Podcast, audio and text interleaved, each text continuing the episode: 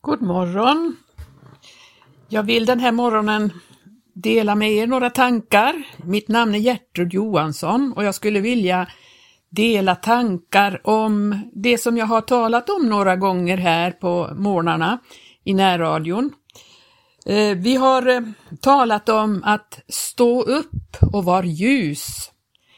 Vi lever ju i en mörker. Vi, rent konkret så har vi ju väldigt mörk tid nu och vi känner behov av att tända ljus och, och lysa upp i tillvaron.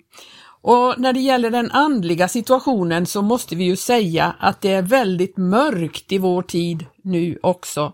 Och det eh, Kristina Imsen hon sjöng här i tidens aftonskymning hörs mången smäda Gud och öppet utan fruktan förtrampa Herrens bud. Det är ju mycket detta att människorna är så bortvända ifrån Gud som gör att mörkret är så stort idag. Vi har talat om det, vi har talat om att eh, man lyssnar inte till Guds ord, man går ifrån alla dessa bud, dessa tankar som Gud har för människan, vilket gör att människans ondska eskalerar. Det är mörkt i tiden och då behöver vi låta ljuset lysa. Vi sjunger i en, en eh, liten sångkör så sjunger vi Det lilla ljus jag har, det ska få lysa klart. Vi vill att vårt ljus ska lysa klart i våra liv.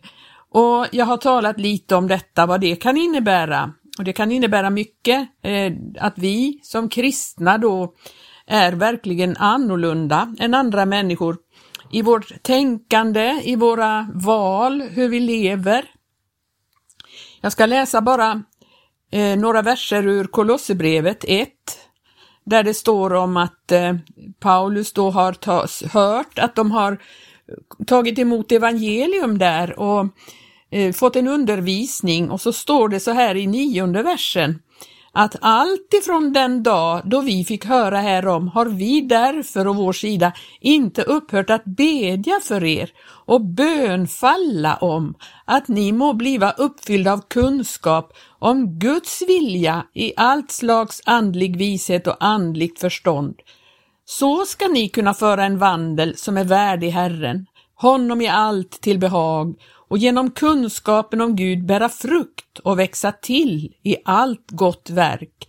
Och genom hans härliga makt ska ni på allt sätt uppfyllas av kraft till att bevisa ståndaktighet och tålamod i allt.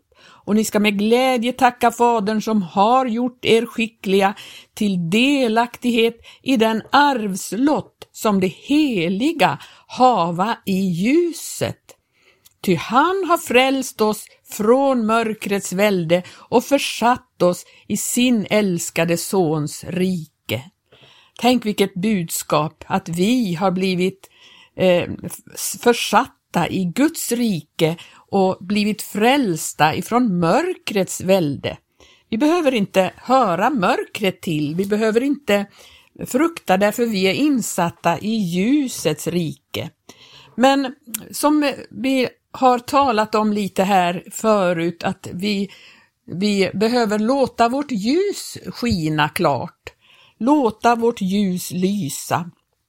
Stå upp och var ljus. För att eh, det är ju så att när vi då som är frälsta ska låta ljuset lysa, det innebär ju att vi låter det ljus lysa som Jesus har tänt i våra liv.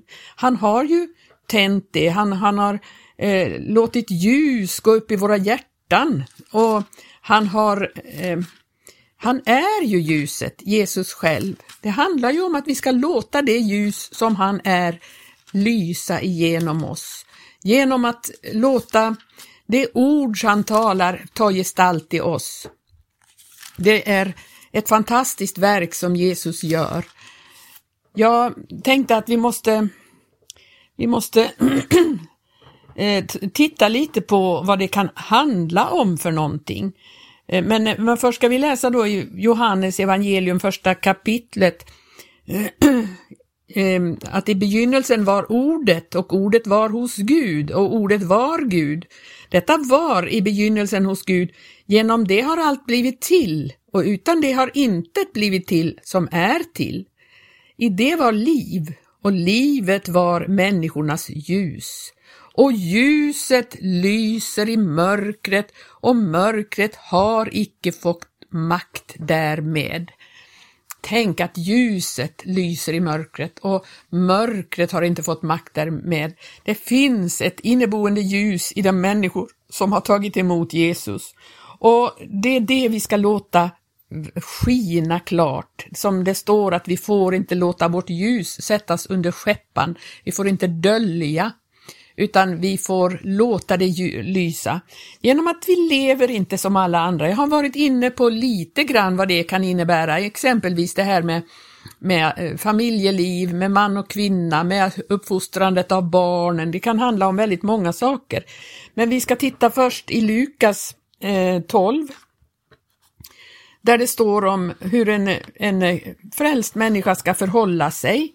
Och där handlar det om att hur man förhåller sig till det materiella. Eh, vi kan läsa Lukas 12 ifrån 22 versen.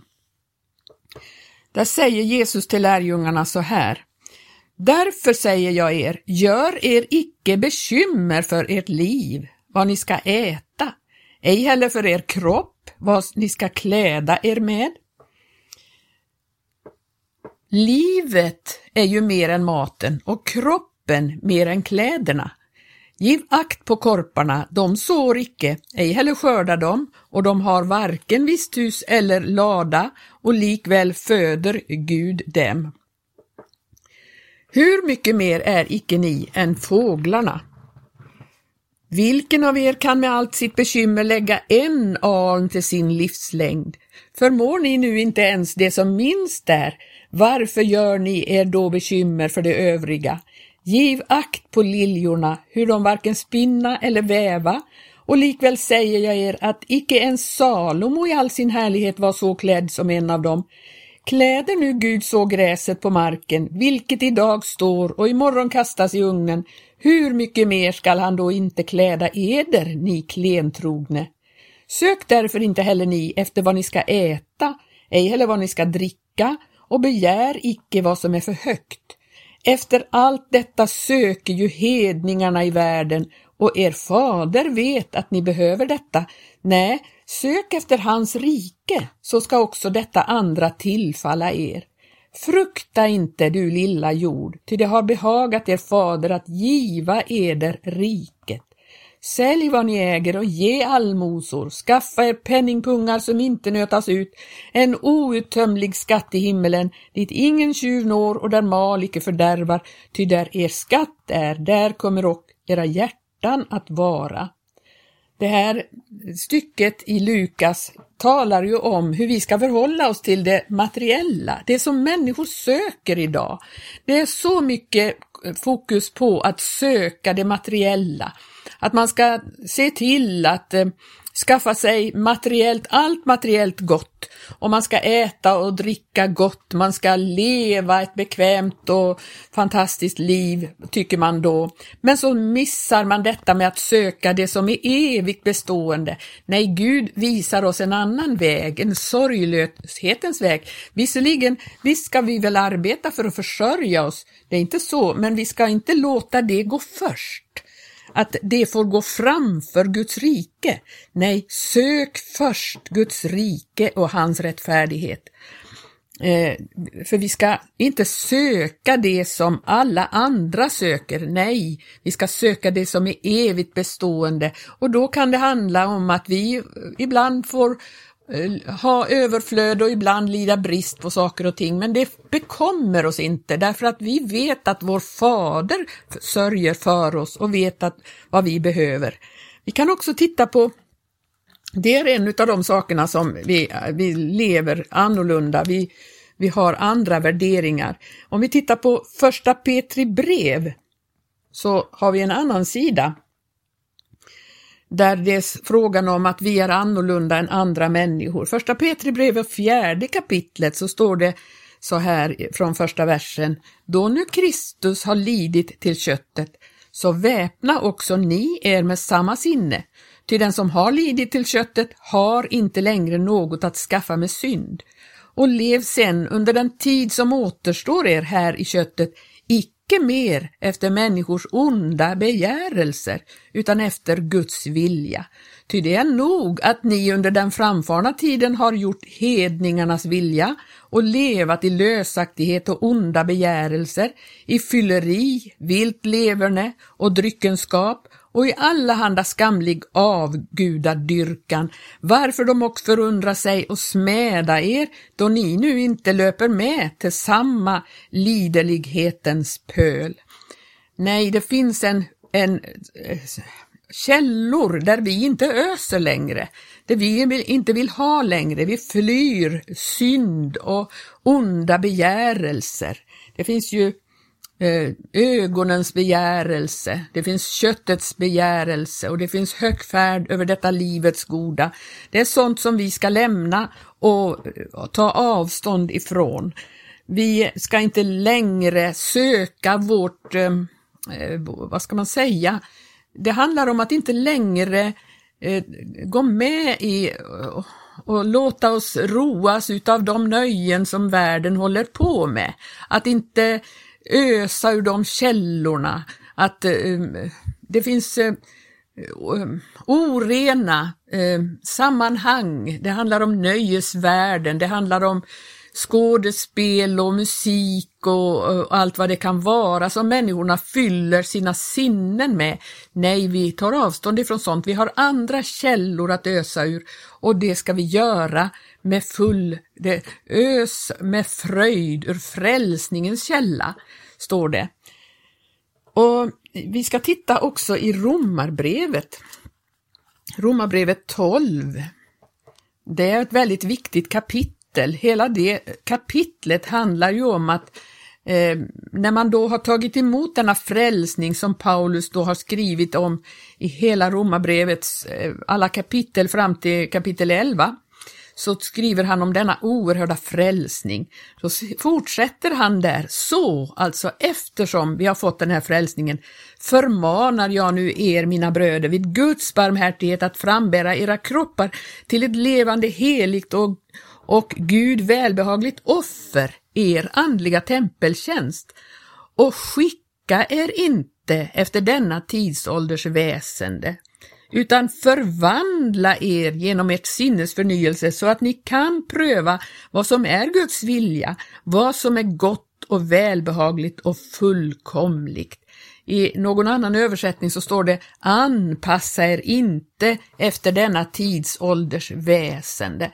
Det finns verkligen väldigt mycket som vi som kristna inte kan anpassa oss i, därför det är eh, en inriktning på världens människor som inte passar den som är frälst och som har en helt annan inriktning, ett helt annat mål.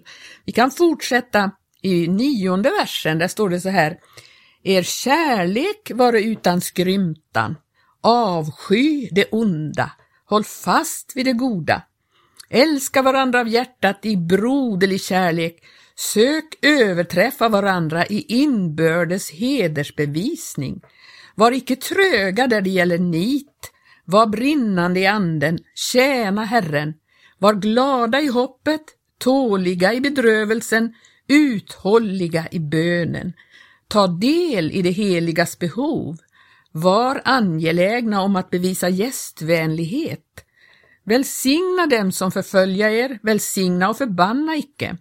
Glädjens med dem som är glada, gråt med dem som gråta, var ens till sinnes med varandra.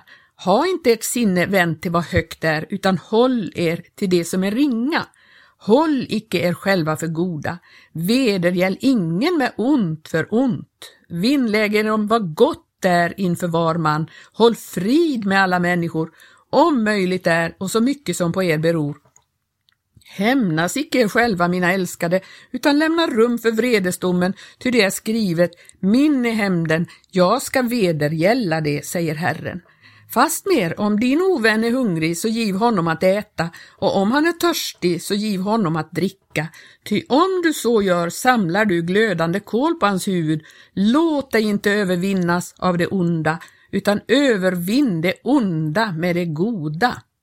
När man läser det här så ser man ju, alltså det, det, det framträder en bild utav en slags människor, upplever jag, när man läser det här. Man, det handlar om kärlek, det handlar om frid, det handlar om gästvänlighet, det handlar om glädje och så vidare. Det handlar om hopp. Och då vill jag titta i Galaterbrevet där det står så här. Eh, det är fantastiskt kapitel. Uh, här har vi det, Galaterbrevet 5. Där känner vi igen de här sakerna i de verser som handlar om Andens frukt. Där det står i femte kapitlets 22 vers. Andens frukt åter är kärlek, glädje, frid, tålamod, mildhet, godhet, trofasthet, saktmod, återhållsamhet. Mot sådant är icke lagen. Och då kommer vi ju in på hemligheten till det här. Därför annars kan man ju tänka att alla de här sakerna som vi ska lämna, det som vi ska vara annorlunda, allt det, hur, hur ska vi klara av det? Hur ska vi kunna vara sådana människor? Och vi upplever många gånger att det är vi ju inte i oss själva. Vi har eh, svårt att övervinna de här sakerna. Hemligheten är att detta är Andens frukt. För det handlar ju om att ta emot Anden. I, om man tittar i Galaterbrevets samma kapitel, eh, kapitel 5, så står det i 16 versen Vad jag vill säga är detta Vandra i ande, så ska ni förvisso icke göra vad köttet har begärelse till. Ty köttet har begärelse mot anden och anden mot köttet. De två ligger ju i strid med varandra för att hindra er att göra vad ni vill. Men om ni drivens av ande så står ni inte under lagen. Det är en hemlighet detta att det är andens liv i oss som ska flöda fram och få fram de här den, den här typen av människa som liknar Jesus på alla sätt. Det är ju så här att vi, vi kan ju eh, försöka på alla möjliga vis att vara sådana här människor. Och det kommer vi att misslyckas med, därför att om vi gör det så kan vi ju lägga på oss en massa eh, regler och, och hur, hur vi ska vara och hur vi ska, men det hjälper inte därför att det måste fr vara frågan om att detta liv strömmar ut ur vårt eget innersta, ut ur, ut ur andelivet i oss. Och det är då det blir äkta det här. Så att eh, vi kan visa kärlek, vi kan visa gästvänlighet, vi kan ha glädje, vi kan ha tålamod, vi kan ha allt detta som det står om Andens frukt. Andens sinne är liv och frid. Vi ska titta på Romarbrevet 8. Eh, I fjärde versen där så står det Så skulle lagens krav uppfyllas i oss som vandrar, inte efter köttet utan efter anden. Ty de som är kötsliga, de har sitt sinne vänt till vad köttet tillhör, men de som är andliga, de har sitt sinne vänt till vad anden tillhör. Och köttets sinne är död, medan andens sinne är liv och frid. Vi, vi, kan inte åstadkomma saker och ting i oss själva, men vi har en tillgång, vi har ett liv som kan strömma in igenom oss och då blir vi inte så väldigt upptagna med oss själva, hurdana vi är, utan då strömmar det ut från oss utan att vi ens tänker på det. Vi är upptagna med Jesus istället, vi är upptagna med hurdan han är och eh, är glada i hoppet därför att han ger oss liv, han ger oss allt detta. Vi kan läsa i Johannes också, femtonde kapitlet, så står det så här från första versen. Jag är det sanna vinträdet och min fader är vingårdsmannen.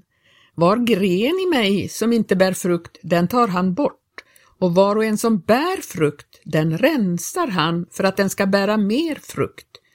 Ni är redan nu rena i kraft av det ord som jag har talat till er. Förbliv i mig, så förbliver också jag i er.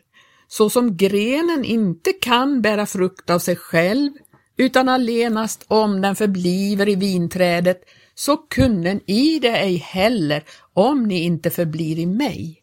Jag är vinträdet, ni är grenarna. Om någon förbliver i mig och jag i honom, så bär han mycket frukt, ty mig förutan kunde ni intet göra. Så är det med det liv som strömmar ut ifrån en, den kristna människan. Vi har ett liv som strömmar ut och det är Jesu liv. Och då lyser vi såsom himlaljus i världen, som det står i, i Filipperbrevet. Jag tror jag läste i det förra, förra eh, programmet jag hade här.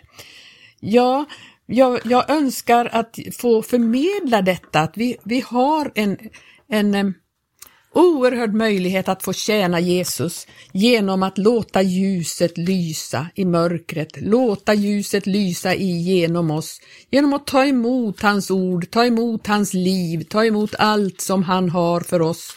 Och, och där finns det en möjlighet för alla oss att bära frukt. Och det är som sagt ingenting som vi eh, själva åstadkommer utan utan det är, det är det som han gör i oss. Och då är det i själva verket Jesu ljus som lyser genom oss.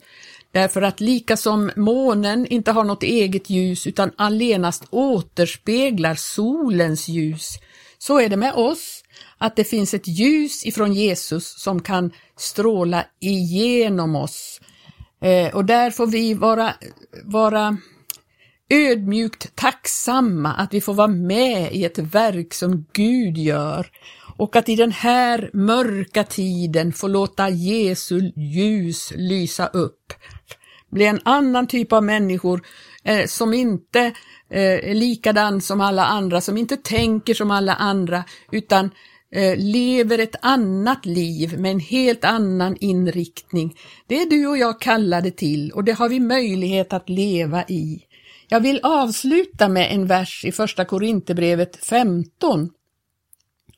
För att eh, där står det i 57 versen eh, så här, fem, vers 57 i kapitel 15 i Första Korinthierbrevet. Men Gud vare tack som giver oss segern genom vår Herre Jesus Kristus.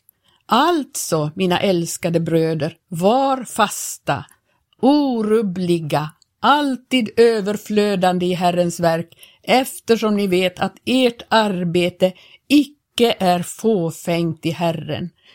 Tänk att vi får vara med i detta verk som Herren gör och det är nåd allenast, finns ingenting annat än nåd och genom hans nåd får vi vara med och sprida ljus i denna mörka tid så länge det går och när det är över då tar han oss hem till sitt eviga rike, ett rike som består. I Jesu namn så väl Gud välsigna dig du som har lyssnat och ta emot det här och lev detta liv för Herren Jesus. Gud välsigne dig. Amen.